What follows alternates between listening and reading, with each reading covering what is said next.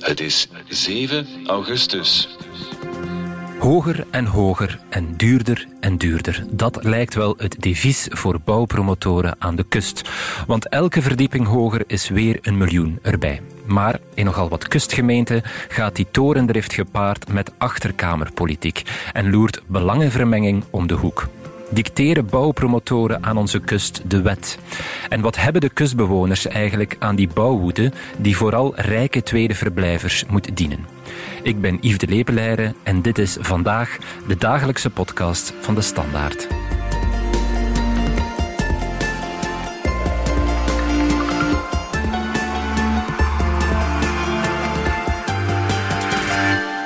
Ik sta hier op het Heldenplein in Knokke-Heist. Achter mij ligt de zee. Voor mij zijn kinderen met de go-kart aan het rijden. En een beetje verder staat de Heldentoren in de Steigers. De bouwwerf is volop bezig, dat hoor je misschien.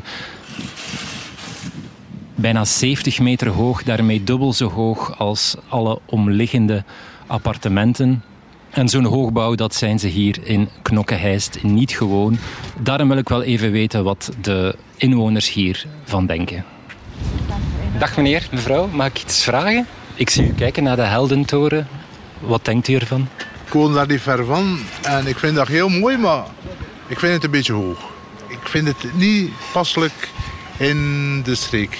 En wat duur ook, hè. want betaalbaar wonen is het ook niet. Hè. Ik vind het zomaar niks. Ik vind het niet mooi.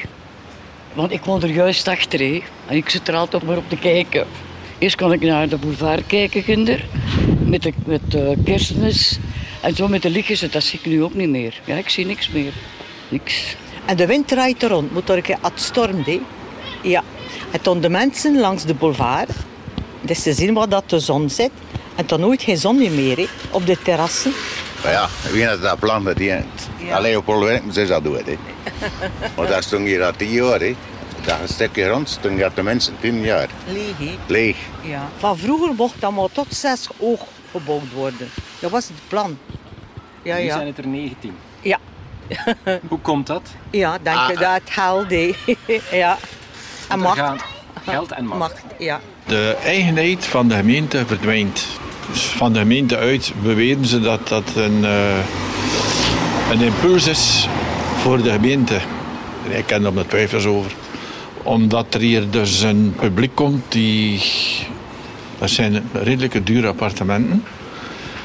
En dat ze een publiek willen aantrekken die een beetje aanleunt aan knokken. Ik heb gehoord dat, dus, dat Ink van 600.000, 700.000 voor een studio tot 2 miljoen. Ja, zonder garage. En het is 80.000 voor een garage en 60.000 voor de staanplaats. En als het verkocht wordt, is het de tweede verblijver. Ja. Plaatselijke bevolking gaat al weg. Trekt hier weg. Naar de volgende gemeente. Hè.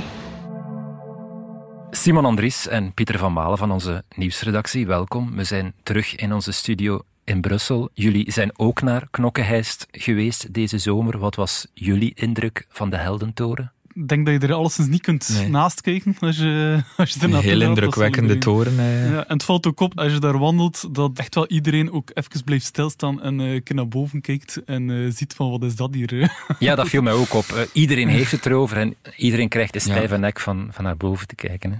Jullie brengen de hele zomer lang, elke maandag, een reeks over vastgoed aan de kust. En dan vooral over de veelbesproken vastgoeddeals.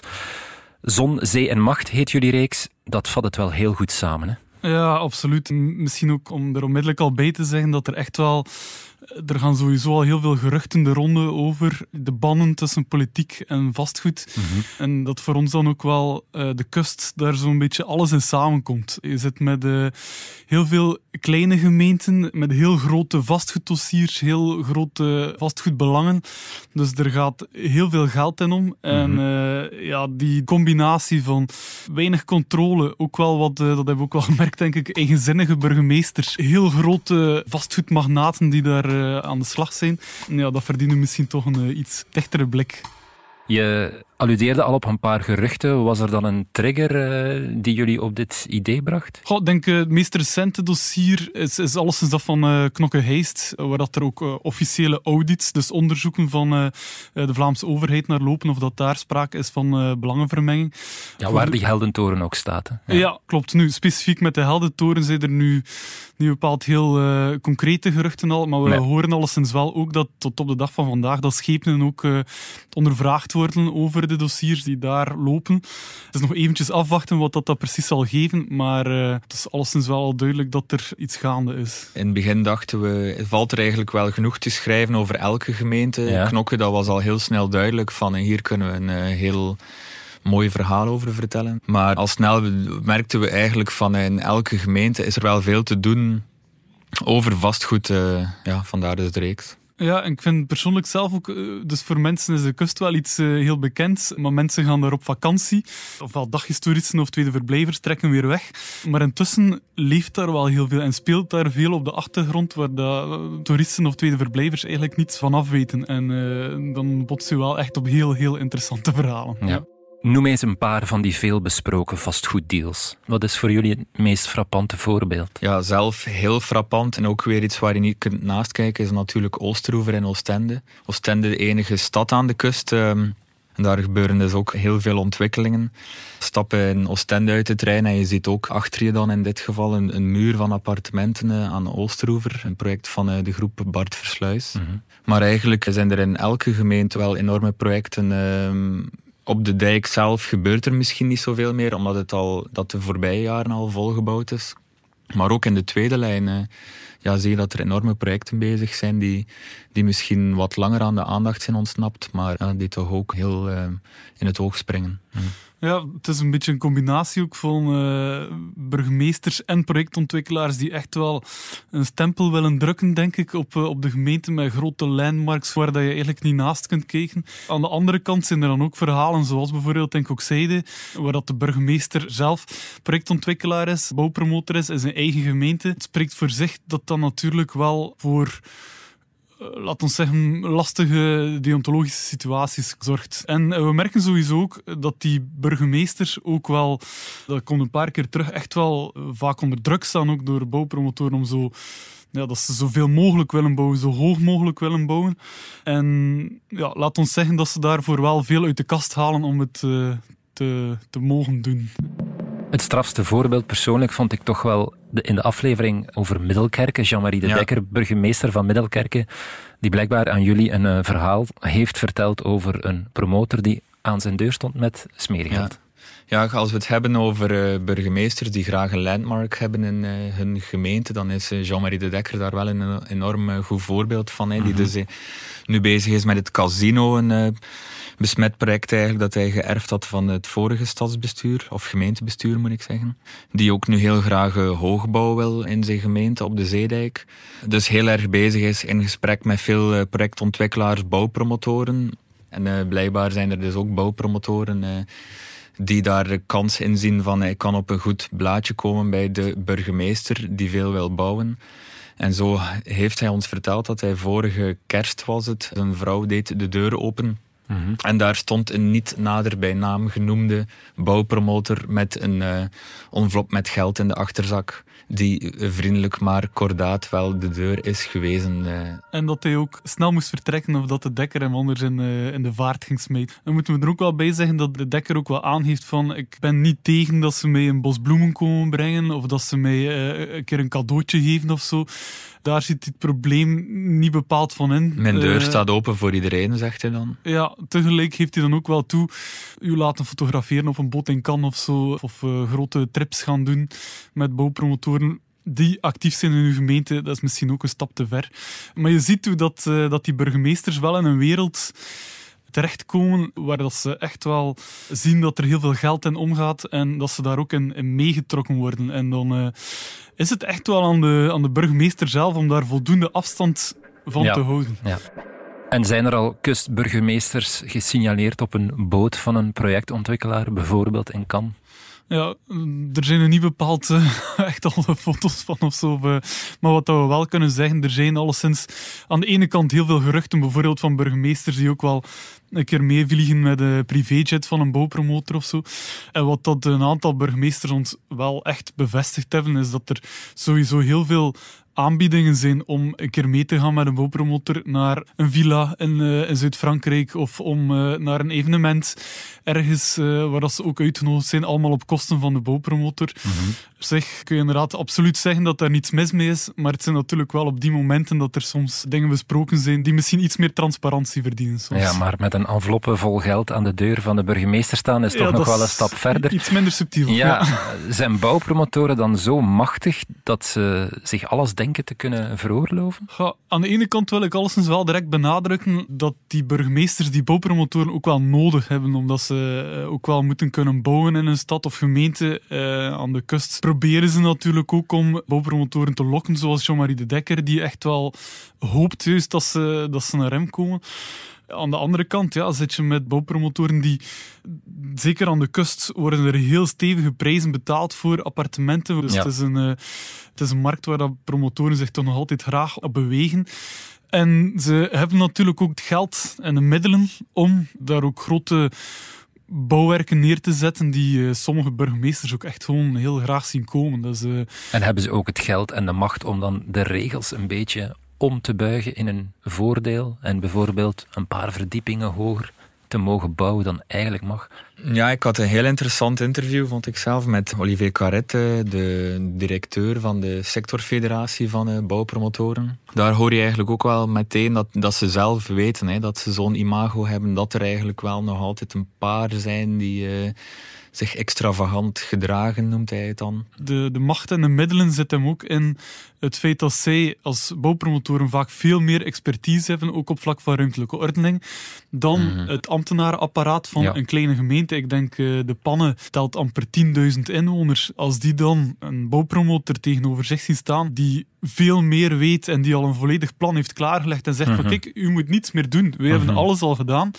Ik denk bijvoorbeeld in onze aflevering over de Haan. In de Haan uh, speelt dat, het ook enorm, hè? Ja, dat burgemeester Wilfried van Dalen dat ja, nogal plastisch uitdrukt en zegt van kijk, dan komt er een bouwpromotor bij mij op het gemeentehuis. Zitten ze daar met zes. De bouwpromotor zelf, twee advocaten, nog een, een, een architect en een, en een ruimtelijke planner. En ik zit daar met mijn ene ambtenaar, zegt hij dan letterlijk. Die machtsverhouding zit niet helemaal ja. uh, goed. Ja. En daar zegt de sector dan weer van, uh, men kan het toch niet verwijten dat wij het wel professioneel aanpakken en dat die gemeentes daar het moeten behelpen met een man en een paardenkop. Veel van die gemeentes, dat zeiden we al, die, die werken op hun eigen eilandje eigenlijk. Die willen hun eigen landmarks realiseren. Daardoor is dus heel weinig samenwerking. Eigenlijk zou je zeker een lans kunnen breken voor meer fusies. Hè? Dus grotere gemeentes of, of zelfs een kustregio met meer middelen die op de langere termijn zou kunnen nadenken en, en met meer middelen, meer mensen zou kunnen ja, weerwerk bieden aan die grote invloedrijke promotoren.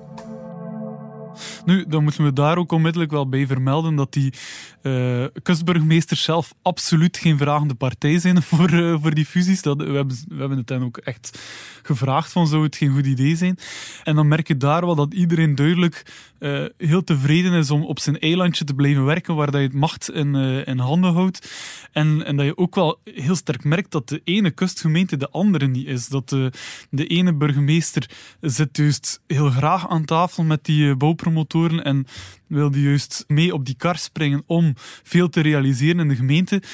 Andere burgemeesters, ik denk dan bijvoorbeeld aan De Haan of, of Breden, die zijn er allemaal veel uh, voorzichtiger in en, uh, en, proberen die toch wat te temperen en proberen hen toch tegen te houden om niet van een gemeente plots uh, overal de hoogbouw te laten ontstaan. En dan zie je gewoon dat, dat die, ja, de, de lokale macht is daar ook nog heel sterk in en die willen ze niet snel uit handen geven, alleszins. Maar de kustgemeenten die die grote projecten willen afhouden, die boot willen afhouden, dat, is toch, dat zijn toch de uitzonderingen? Ja, absoluut. Dat merken we wel. En we zien ook dat nu in bijna iedere kustgemeente uh, liggen er echt plannen op tafel om te gaan kijken naar meer hoogbouw, ook op die tweede lijn. Ja. En, en om daar de komende jaren, en ik denk dat de, ook mensen die naar de kust gaan, het de komende jaren ook nog wel sterk gaan zien veranderen. Dat die hoogbouw echt wel zien de ogen, zoals die heldentoren, waar dat bij iedere verdieping het protest soms wat toeneemt. Ja, uh, maar dat ja. dat ook in andere gemeenten straks uh, steeds zichtbaarder zal worden. Absoluut. Ja, want daar gaat het inderdaad over. Hè. Veel van die veel besproken vastgoeddeals, het gaat over hoogbouw,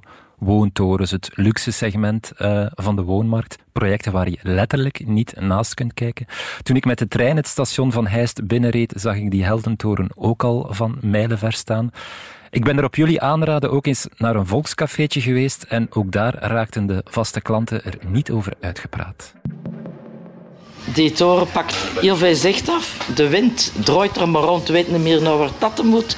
Allee, het is een gedrocht. Ik vind het een gedrocht. Het staat gewoon oh, ja, te midden hè, in het zicht. Hè. Je mag hier staan in Est, wordt dat geweld. Je ziet hem overal. Hè. Maar het is de plaats, echt de plaats. Is toch gewoon? Hoe is dat goed? Ja, in het zicht, recht naar de zee. Mensen zijn al hun zicht kwijt. Erachter, het is niet plezant dus. Hè. Maar kan ik daar geen probleem mee? Dat stoort me niet. Omdat jij er geen last van hebt. Ik kan nu met mijn verrekijker niet meer recht naar de zee kijken. Ik kijk gewoon recht binnen bij die mensen op die toren. Hè. Maar ik ook. Ja, geen probleem met die toren. Ik denk dat het een beetje te ver gegrepen is voor heist. Maar ja, blijkbaar is het toch allemaal bijna verkocht. Dus ja. ja. Ik heb in de bruine het hier gekocht. Goh.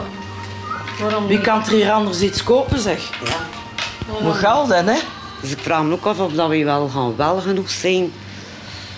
Allee, of dat we nog chic genoeg gaan zijn voor die mensen vandaar. Want als we echt in een achterbuurt terechtkomen er. Ja. Dat is ons de ding gaan om de, de marginale kant, of noem je dat? He? Normaal hebben we hier ook carnaval. Die, die, die wagens kunnen hier ook niet meer passeren door die toren. Dus dat is ook allemaal verlies voor ons. He. Allee, ja. Ze moeten die carnaval helemaal omleiden door. Dus ja, ik ben met de tijd dat zelfs carnaval gaat verdwijnen hier. Simon, Pieter, als ik op de reacties van de heistenaars mag afgaan, ja, dan lijkt die heldentoren mij niet meteen een project waarmee je als bestuur stemmen wint. Ja, het is, het is, soms is het natuurlijk een beetje dubbel. Ook toen wij in, uh, in uh, Heist rondliepen, kwamen ook wel een aantal mensen tegen, ook uh, tweede verblijvers, die dan toch ook tevreden waren dat daar een mooie toren kwam en die al zeiden van, ja, dan krijgen we hier net als in Knokke onze eigen plasma TV. Um, die dachten inderdaad al aan hun eigen appartementje, dat dat misschien in waarde zou stijgen, nee, vertelden ja. ze ons. Ja, en daar tegenover staan uh, inderdaad ook inwoners die ook zeggen van ja, maar dit is al lang niet meer voor ons dat die burgemeesters het doen. Want uh, een van de meest sprekende dingen vond ik zelf in, in Heist is uh, dat onder andere, en trouwens ook in uh, Kokzijde zal dat gebeuren, is dat de plaatselijke dorpsschool, Mhm. die in het centrum van de stad of van de gemeente ligt, dat die verkocht wordt aan uh, bouwpromotoren. Het schooltje verplaatst naar de rand van de stad, Mhm. waar dat de ouders dan veel verder naartoe moeten rijden dan dat ze vroeger te voet konden gaan. en in plaats daarvan komt er in het centrum van de stad een grote woontoren voor deels inwoners, maar vooral ook, en daar moeten we eerlijk in zijn, ook vooral veel tweede verblijvers. Ja. En dan kun je inderdaad stellen aan de vraag stellen van, ja, voor wie wordt dat nog gezet? En uh, waarom doen de burgemeesters het dan? Dan kom je opnieuw, denk ik, voor een groot deel uit bij uh, de geldkwestie. Want uh, die tweede verblijvers, die brengen voor de stad of voor de gemeente ook echt wel geld in het laadje. Want Mhm. dat zie je ook de laatste jaren, dat de, veel burgemeesters hebben de tweede verblijfstaksen weer een heel stuk opgetrokken. Ik denk om er nu een slag in te slaan dat dat in uh, Oostende al naar de 1200 euro gaat aan, aan tax. Als je zo heel veel tweede verblijvers hebt, dan is de stadskas daar ook wel heel tevreden mee. Ja, is, uh, De stadskas is tevreden, de bouwpromotor is tevreden, maar de lokale inwoners blijven toch wel een beetje verweest achter, denk ik. Ja, we hadden het nu net over Oostende. En ook in Oostende is de hotelschool eh, die aan het station stond eh, heel vlot bereikbaar in het centrum eigenlijk van de stad. eh, Ook verhuisd naar meer een uithoek van eh, Oostende. En waar vroeger de hotelschool stond, daar is nu een eh, toren eh, aan het verrijzen voor ger- gericht op tweede verblijvers. Ja. En zie je daarvan al de gevolgen voor het sociaal weefsel van kustgemeenten? dat begint steeds zichtbaarder te worden. Hè.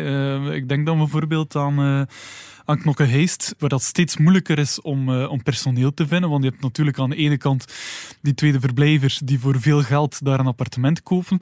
Maar ja, het personeel voor die restaurants, voor, voor die winkels, voor de lokale slagerijen, daar is steeds minder plaats voor. Die trekken weg. En Zeker, ik denk dat het nog maar een aantal weken geleden is dat het nieuwe hotel van uh, Mark Koeken daar geopend is, uh, La Reserve, met ook een restaurant van Peter Goossens, ja.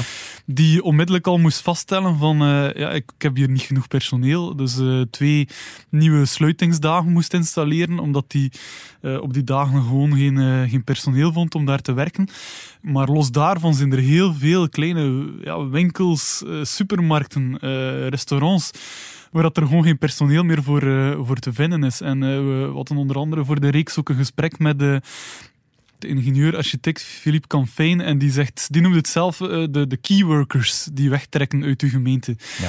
En, en hij was daar heel alarmistisch over. Van, als die keyworkers weg zijn, ja, wat blijft er dan nog over uiteindelijk? Ja. Dan uh, zit je daar op je appartementje, maar is er eigenlijk niets meer, uh, niets meer te doen voor u. Dus uh, het is toch iets, denk ik, waar dat de, de gemeenten wel beducht voor zullen moeten zijn. Ja, en dat is het rechtstreekse gevolg van, de, van het beleid van die kustgemeenten die alles richten op die tweede verblijvers. Ja, een heel treffend voorbeeld daarvan vond ik... Ehm, eigenlijk de vaststelling van uh, Ewald Wouters, een ingenieur die werkt voor het bureau Tractibel, die al decennia de kust bestudeert. En die vertelt, je ziet eigenlijk heel veel infrastructuur ontwikkeld worden op maat van de tweede verblijver, de dagjestoerist, bijvoorbeeld ondergrondse parkings. Ja. Kustgemeenten steken heel veel geld in ondergrondse parkings, zodat de toeristen heel vlot kunnen komen. Daar mhm. gaat heel veel geld naartoe. Maar eigenlijk zijn dat, uh, is dat infrastructuur die niet voor de, de bewoners is uh, bedoeld, waar ze geen nota hebben. Ja, maar uh, worden er uh, genoeg bibliotheken gebouwd uh, voor de inwoners? Worden ja. er genoeg zwembaden gebouwd, sportvelden? Daar, is eigenlijk, daar gaat eigenlijk veel minder aandacht naartoe. En waar ook geen aandacht naartoe gaat, dat is het oude patrimonium, al die oude appartementsgebouwen mm. op de dijk, die misschien dringend moeten gerenoveerd worden. Ja, wat, wat gebeurt daarmee? Absoluut, en dat is eigenlijk een hele, hele interessante, omdat dat nog altijd een beetje die oude Atlantiekwal, zoals dat dan, die grijze muur van appartementen, als je van de zee naar onze Belgische kust kijkt, eh, niet echt zo mooi, denk ik, dat zal niemand uh, zeggen, maar die zit vastgebetoneerd. En je merkt ook dat die projectontwikkelaars dat ook niet interessant vinden om daar naar te kijken. Het is heel moeilijk om daar nog uh, iets te kunnen doen, omdat die appartementen zijn allemaal apart verkocht. Mm -hmm. dus er zitten in één appartement onmiddellijk 10, 15 eigenaars. Als je dan iets wil renoveren of iets wil, of een, of een nieuw project wil doen, dan moet je onmiddellijk de toestemming hebben. Dus die uh, zeggen dat is te ingewikkeld. Wij kijken gewoon naar de tweede lijn. We proberen daar gewoon een, een huis van iemand over te kopen met een, met een domein en we smeten dat plat en we zetten daar een hoogbouw op. Ja. Maar intussen is die eerste lijn wel continu ieder jaar na jaar uh, aan, verder aan het afkalven. En uh, denk, dat wordt heel mooi gezegd ook denk ik door een van de experts die het zal misschien herkenbaar zijn voor veel van de van onze luisteraars ook, maar dat die appartementen op de eerste lijn zijn vaak van de jaren 60, 70, uh, allemaal elektrisch verwarmd, uh, vaak nog enkel glas. Ja, uh, energievreters. Ja, ja voilà. En, en, de redenering is daar ook van waarom zou je daar als eigenaar veel in investeren, want je bent er toch maar een paar maanden in, in, het jaar en in de winter ben je daar niet. Maar het dreigt wel, en daar waarschuwen bijna alle experts voor, omdat binnen een aantal jaar zitten we daar met een compleet verouderde structuur die heel dringend moet gerenoveerd gerenoveerd worden. En waar dat er eigenlijk niemand, bijna niemand naar omkijkt. Ja, maar wel met luxe hoogbouw erachter. Met luxe hoogbouw op de tweede lijn. Ja, dat dan wel weer. Ja. Conclusie, er is geen totaalvisie voor de kustlijn. Ja, dat is inderdaad een uh, zeer uh, pijnlijke vaststelling die we, die we zelf ook uh, alleen maar kunnen maken. Dat die tien kustgemeenten op een, in een totaal verspreide slagorde bezig zijn, niet samenwerken. burgemeesters die, de ene burgemeester die iets totaal anders wil dan de andere. En ja, terwijl daar een, een heel aantal uitdagingen op hen afkomen. Ja, en plus dat je er ook nog moet uh, vaststellen, er zijn heel veel plannen. Dus eh, we kunnen op alleszins niet zeggen dat er niet wordt nagedacht over onze kust. Mhm. Alleen botsen die toch wel echt op uh, een beetje de Atlantic Wall van de burgemeesters, die, die dat allemaal afhouden en die inderdaad, zoals Pieter zegt, liever op een eigen eilandje blijven werken dan, dan echt aan die ene grote visie te kijken. En Dat weerspiegelt zich trouwens niet alleen uh, op vlak van die vastgoed, maar ook op vlak van uh, klimaat aan de kust. Uh, er is ook een ja. van onze afleveringen over de pannen, waar dat er nog een laatste streepje duinen vrij zijn aan de, aan de kust. Mhm. Waarvan dat alle wetenschappers zeggen van laat dat alsjeblieft gewoon natuur zijn. Dat is belangrijk om straks ook voor stijging van de zeespiegel, ja, dat, dat die duinenstrook daar blijft liggen. Maar intussen is dus uh, zowel de pannen als uh, de bouwpromotor die ermee bezig is, wil er eigenlijk liever gewoon een, uh, een project van maken met vakantiehuizen, een hotel. Dus ook dat laatste streepje duinen staat intussen al onder druk om toch ook op te bouwen. Dus ik denk dat een expert letterlijk zei van dat is het verschil tussen echt de, de korte termijn denken aan toerisme, denken aan de inkomsten voor een gemeente maar op langere termijn, wat zijn de kosten ervan dat onze, onze kust uh, compleet aan het, uh, aan het ja, vastgebetoneerd zit? Ja. En ja. daar zullen we op lange termijn dan misschien wel de gevolgen van dragen. We zouden er nog lang over kunnen praten, maar wie meer wil weten, raad ik aan om jullie reeks te blijven volgen in de krant. Welke afleveringen komen er nog aan bod? Ja, er komen zeker nog uh, afleveringen aan over uh, Bredene, Oostende en Nieuwpoort. En uh, ik moet alleszins, kan alleszins wel zeggen dat opnieuw redelijk straffe verhalen zijn. Oké, benieuwd. Simon en Pieter, bedankt. Het laatste woord geef ik graag nog aan iemand uit Knokke-Heist die pal achter de Heldentoren woont. Eigenaar Philippe nam me mee naar zijn dakterras. Kom maar binnen. Dank u. Hallo hoor.